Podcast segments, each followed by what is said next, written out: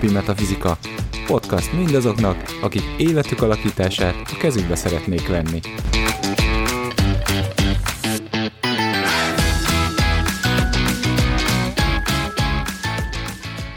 Sziasztok! Ez itt a Mindennapi Metafizika következő adása. A mikrofon mögött Szekhal Metelka. Paraksó Gábor. És Szalkó Zsuzsi. Jó, még mindig a alapokról nem csak kezdőknek sorozatunkban vagyunk, és a múltkori részben az integrálás kapcsán ugye fölmerült több minden, és akkor mondtuk, hogy erről csinálunk egy külön részt, mert szerintem megér egy misét, ugye másik, másik szakkör, de azért jó ez. Mm, arról beszélgettünk, ugye azzal fejeztük be a múltkori epizódot, hogy hogy is van ez az érzelmekkel, és hogy, hogy ez, ez egy csatatéré tud változni, hogy én kontrollálom az érzéseim, hogy azok uralnak engem, vagy most akkor mi történik. De ha belegondolsz így tényleg beleérzed magad, akkor ki akarna egy csatatéren élni? Ki akarna úgy élni, hogy az egész élet egy harc, mert vagy, vagy te kontrollálsz, vagy téged kontrollálnak. És hogy ha csak ebben gondolkozol, akkor nincs választásod. Mert akkor nyilván nem akarsz leuralva lenni, tehát akkor azt fogod választani, hogy akkor megteszel mindent annak érdekében, hogy te legyél az uralkodó oldalon. Különösen jellemző ez azokra az emberekre, ugye ezt egy gondolat erejéig említettük legutóbb, akik érzékenyek, mert ők ugye jobban szeretnék kontrollálni ezeket a körülményeket, hiszen jobban hatnak rájuk a dolgok. Vagy a másik megoldás, amit ugye alkalmazni szoktunk, hogy akkor húzunk magunk köré egy falat, vagy pajzsot, vagy ki ugye ki mivel dolgozik, valamit, amivel tompulnak ezek a hatások, és akkor nem érzed olyan soknak. Valójában egyik sem lesz jó megoldás, mert egyik sem hozzá azt az eredményt, amit, amire, amire vágysz. És akkor ugye az lesz a kérdés, hogy hogy tudsz nem harcban lenni az érzéseiddel, és ez persze egyébként a gondolatokra is igaz, csak az érzések szintjén ez szerintem sokkal nagyobb, nagyobb csatateret, vagy nagyobb intenzitást tud fölvenni. És, és hogy tudsz mégis úgy érzékeny maradni, hogy nem kell elzárod magad, és nem kell attól félned, hogy mikor lesz ez annyira sok, hogy akár mondjuk meg is kattansz, mert van az a fajta érzékenység, amivel ez annyira-annyira sok lesz. Nekem még, ahogy így mondtál, vagy beszéltél, nekem még az jutott eszembe, ugye, hogy, hogy van egy olyan formája is, és ezt, ezt már említettük az előző adásokban, hogy ugye a szüleink sem tanultak meg, vagy tanították meg, nekik sem, hogy hogyan kezeljék az érzéseinket, és emiatt ugye nem ők maguk sem tudták akkor, amikor mi gyerekek voltunk, a mi érzéseinket megfelelően kezelni. Tehát néha azért jönnek ezek a falak, mert hogy ugye volt egy nagy öröm, vagy valami, és kaptál pont egy pofont. Pont azért, mert hogy... Na most ne, így van, nem most, hogy nem, ne hagyjál békén, stb. És ugye akkor mi magunk zárjuk el az érzéseinket, és mi magunk próbáljuk, jó, akkor ennek nincs ideje, akkor ilyenkor nem szabad, és úgy megtanuljuk ezeket a mintákat, ugye, hogy ú, akkor nem viselkedhetek így, nem csinálhatom ezt, nem érezhetem így magam. És ugye, de közben meg, ahogy így említetted is, ugye ez a kontroll, ki kontrollál kit, meg minden, de hogy, és a csatatérrel kapcsolatban, de hogy valójában ezek az érzéseink vannak. Tehát, hogy ha, ha, ha meg is próbáljuk őket negálni és erőszakolni, és azt mondjuk, hogy de nincsenek meg, elnyomni mindent, de akkor is vannak. És hogy valójában, ahogy így, ah, ez olyan érdekes, de hogy ők is mi vagyunk. És, hogy, és amikor elzárjuk őket, akkor elzárjuk magunkat az az, a saját igazságunk egy részétől, önmagunk egy részétől, a saját erőnk egy részétől zárjuk el magunkat, és ugye időskorra az ember egyre több mindent zár ki, és egyre inkább azt érzi, hogy oh, az az élet, ez nem olyan szórakoztató. Tehát, hogy í- így ment ez az egész világ, de hogy valójában pont nem ezt kellene, hanem pont, hogy vissza, ugye az előző adásra visszautal, visszaintegrálni önmagunkba ezeket a dolgokat. Hát, hányszor fordul elő ugye az életünkben, amikor nagyon örülünk valaminek, és, és elkezdesz tényleg tombolni, és akkor azt mondják, hogy milyen gyerekes vagy. Tehát szerintem ez is mutatja azt, hogy ott, ott, ott volt utoljára az, amikor ezt a felszabadultan meg tudtad csinálni. És hogy magadnak? Igen, és hogy én is érzem ez belülről, hogy, hogy amikor más így nagyon tombol, először ilyen furán nézel rá, mert ugye azért ezt is lehet túlzásba vinni, szóval szerintem arról is kell majd beszélnünk az érzékelések, meg az érzékenység kapcsán, hogy van, amikor kitörnek ezek az elfolytott érzések, és akkor túlzásba mennek. Tőlem nagyon sokszor kérdezték meg egy ismerősöm, hogy miért van az, hogy amikor ő azt érzi, hogy nagyon boldog, akkor megsért másokat. És ezen nagyon sokat gondolkodtam, hogy nem lehet senkinek az a boldogsága, vagy ez az örömforrás, hogy másokat sértsen, hanem annyira sokszor folyt el érzéseket, hogy amikor kitör belőle, akkor mindent visz. Tehát, hogy tényleg örül, de úgy örül, hogy abban mindenki benne van, és szurkál, és mondja, és viccesnek tartja, és én értem azt, hogy ő, meg érzem is, hogy ő boldog, tényleg látszódik rajta, de hogy ettől függetlenül, ami vele jár, az olyan, mint tudjátok, amikor tényleg árvíz van, és maga a víz a szépen hömpölyög, de mindent visz magával, tehát benne a faldarabokat, amiket feltört, az edényeket, amiket magával sorolt, vagy amit beledobtak eredetileg ugye abba a vízbe, és az viszont fáj. Itt, itt azért van több dolog is. Az egyik az az, hogy ugye az önazonosság évét érjük, és bár látszólag ez nem teljesen ide tartozó téma, de, de amikor az ember nem önmagát él, és ebbe az örömei nagyon-nagyon szorosan beletartoznak, akkor olyan embereket vonzol magad köré, akik azt a projekciót találják vonzónak. És amikor te önmagad vagy, azt ők nem fogják vonzónak találni, mert ők nem arra az energiára jöttek be. És ez a rohadt nagy hátránya annak, ha nem vagy önmagad. És ha ő találna egy olyan közeget, ahol önmaga tud lenni, akkor egyrészt az intenzitás is megoldódna, mert nem kitörésszerűen jönne időről időre, hanem ugye tudná ezt hozni. Másrészt azok az emberek, azok jól reagálnának rá, hiszen erre az energiára jöttek be. Arra az energiára jöttek be, ami ilyen intenzív, ami ilyen felszabadult, ami ilyen örömteli, vagy akár a negatív oldalon nagyon erőteljes. Mert hogy tudják kezelni. De amikor azt projektálod, hogy te ilyen összeszedett, ilyen, nem tudom, ilyen jól kontrollált dolog vagy, akkor azok jönnek be, akiknek erre az összeszedett jó kontrollált dologra van szükségük, és nem fogják jól tolerálni, amikor te nem vagy összeszedett, és nem vagy jól kontrollált. Mert hogy merészeled?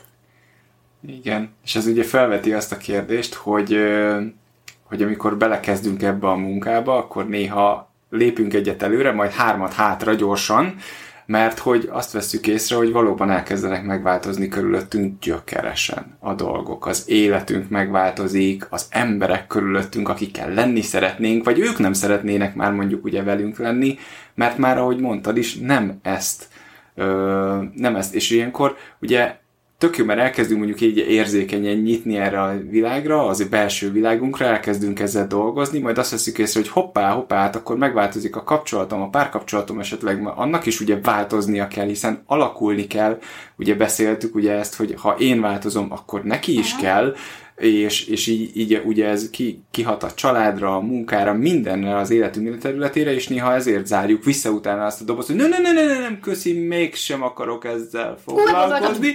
Igen, igen, igen, mert hogy félünk attól a változástól, amit ez hozna. És akkor az a jó kérdés, hogy, hogy uh, nyilván nekem egyetem erre a válaszom, de hogy ezt fel kell tenni a kérdést, hogy, hogy önmagad szeretnél jobb lenni, tehát az a fontos neked, vagy tudsz egy olyan életet élni, amiben nem vagy önmagad, és ez egy tudatos döntés.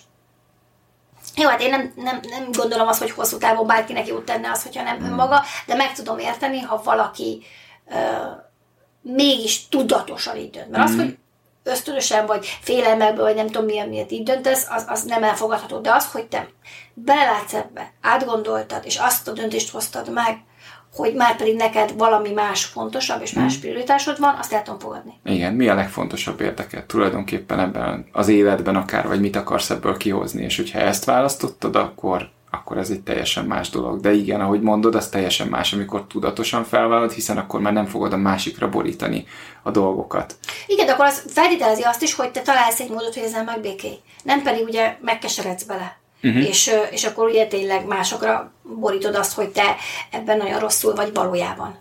Hanem azt mondod, hogy akkor találok egy olyan módot, amivel én ezzel oké okay tudok lenni. Mert ez az én döntésem volt. Illetve azért ebben az is benne van, hogy, hogy ezek a változások, amikor elkezdjük önmagunkat felvállalni, nem történnek úgy egyik napról a másikra, hogy jó, akkor én holnaptól más ruhát hordok, meg el is akarok költözni, és amúgy munkáját is váltok. Tehát azért ebben van egy fokozatosság. És hogyha én ugyan nem vállaltam fel önmagam teljesen, de ugye olyan sincs, vagy szerintem nem az a gyakori, hogy teljes mértékben önmagam ellen voltam. Tehát bizonyos területeken tudtam felvállalni magam, és akkor ebbe szerintem bele tudom építeni azt, hogy fokozatosan megváltozok, és velem változik fokozatosan az, aki velem akar tartani az változás útján. Ebben egyetértek nagyon, hogy, hogy erre lehetnek a környezetben, annak ellenére, hogy nem arra az energiára jöttek be receptív emberek, és lehetnek Mhm. olyanok, akik így is veled fognak tartani. Mhm. Tehát mit tudom, én nem tudom veletek elképzelni, hogy olyan változás történik a ti életetekben, vagy a személyiségetekben, vagy a, vagy a bármitekben, amivel én azt mondanám, hogy hát akkor így soha többet nem akarom, hogy közöm legyen hozzátok. Tehát és így elvárnám ezt a dolgot hanem mindig, mindig biztos, hogy keresnék egy olyan dolgot, amivel még mindig kompatibilisek vagyunk, akkor is, hogyha nagyon-nagyon-nagyon más életutat visztek. Ugye ez, ez köztünk ugye meg is jelenik egy szempontból, mert mind a ketten ugye családos emberek vagytok, van gyereketek, és hogy ez, ez elvihetett volna minket egymás mellől, mert nagyon más életvitel, és sokakat el is visz. Mert ugye, érted, persze meghallgatom szívesen, hogy mi van a gyerekkel, de nyilván tudok arra és az enyém meg nem tudom, három évesen kezdett el járni, vagy nem tudom én, akármi, amit csinálnak a gyerekek, akár hány éves korukban. De hogy értedek, és ennek ellenére ez nem történt meg, mert ugye mind a kettőnk, vagy mind a hármunk, tehát hogy a kapcsolatokban mind a kettőnk részéről mindig volt szándékoltság arra, hogy ez a kapcsolat ez fönnálljon és alakult ezzel együtt. De nem teljesen értek egyet egyébként azzal, amit mondasz, mert én sok emberrel találkozom olyannal, aki nem nagyon, vagy nagyon marginálisan éli saját magát. És hogy ott tényleg gyökeres lenne ez a változás. És nagyon eltérő ö, életvitelt jelentene, ö, akár munkát, akár barátokat, akár közeget. És ott éles lenne a váltás a között, ami most van, és a között, ami önazonos lenne. És engem például nagyon-nagyon sokat foglalkoztatott a férfiaknál ez a midlife crisis, a, Aha. ugye, hogy, hogy ez, ez miért? Mi, miért? Hát férfiként ugye az az ember azért így családos lettem, stb. Most akkor úristen, én is bele fogok esni, és akkor innentől kezdve holnaptól piros Porsche Cabrio, és akkor a szőke cica mellettem, és izé, hogy lesz ez? És hogy, és hogy én úgy arra vezettem vissza, ez az én elméletem, hogy a férfiaknál előbb-utóbb amikor meg, megjön ez az ár, akkor kapcsol be ez a dolog, hogy de nem azt az életet élem, amit élni szeretnék. És akkor visszamegy ebbe, a, ebbe az állapotba, ebbe a régibe, amikor még úgy érezte, hogy azt, érezt, azt élte, stb. És azért történnek ezek a dolgok. De én például erre azt találtam ki, hogy így tudom megelőzni ezt, hogy már most azzal foglalkozom, amit szeretnék, és akkor nem kell majd mondjuk 50 évesen egyszer csak ráébredni, hogy "Ah, úristen, akkor én menni akarok innen. De érdekes, hogy én például azt lettem észre, nem tudom, hogy ti ezt hogy látjátok, hogy ez a midlife crisis, ez a közép, életközepi válság, ez egyre korábbra húzódik. És olyan, mintha már most 30-asoknak lenne ö, életközepi válság, és pedig hát nyilván most a 60, hogyha szigorúan veszem ezt, jelenti, hogy 60 évig élnek, szóval, hogy az egy picit korai lenne, ez ilyen 40-es, 50-es évek között szokott ez így előfordulni, hogy amikor így hirtelen vált az ember. De hogy most, mostanában már ez nem így van, hanem nagyon korán előjön az, hogy jó, jó, de hogy én akkor mit csinálok itt meg, meg egyébként is. Szerintem, hogyha valakinek, vagy valakiknek nincsen szellemi céljuk, akkor megélni azt, hogy öregszik a tested, vagy megélni azt, hogy már családos ember vagy, vagy megélni azt, hogy a kötelezettségeid mértéke lehet, hogy nagyobb, mint szeretnéd, és igazából itt szerintem nagyon sok minden a king szinttel függ össze, vagyis a testiséggel, ott az öregedés, mivel nincsen rá a, a, a mondjuk a, a, egy bizonyos kultúrkörökben nincsen rá jó, pozitív kép, ezért ezért jön szerintem korábbra. Tehát én is azt tapasztalom, hogy igen, hogyha te 30 évesen már családos vagy, akkor hirtelen hamarabb megjelenik az, hogy ó, nem, én mégis inkább csajozni szeretnék. Mert hogy akkor én eldöntöttem, és jó volt, és ugye a, a kis állóvizemben van egy jó kis önbizalmam, amit ugye a család azért meg tud alapozni, és akkor utána hirtelen ebből a, a poshat vízből, amiről ugye beszéltünk, mert erről beszélünk, hogy van egy boldog állapota, onnantól úgy dönt, hogy ez nem, valami, valami hiányzik, valami kimaradt, nem éltem ki magam, nem jártam annyi iskolába, mennyibe szerettem volna, amúgy meg nehéz a gyerekekkel, mert állandóan harcolnak, meg én is szeretnék magammal foglalkozni, meg amúgy nyaralni kéne, és nem négy főre szeretném benni a repjegyet, hanem egy főre.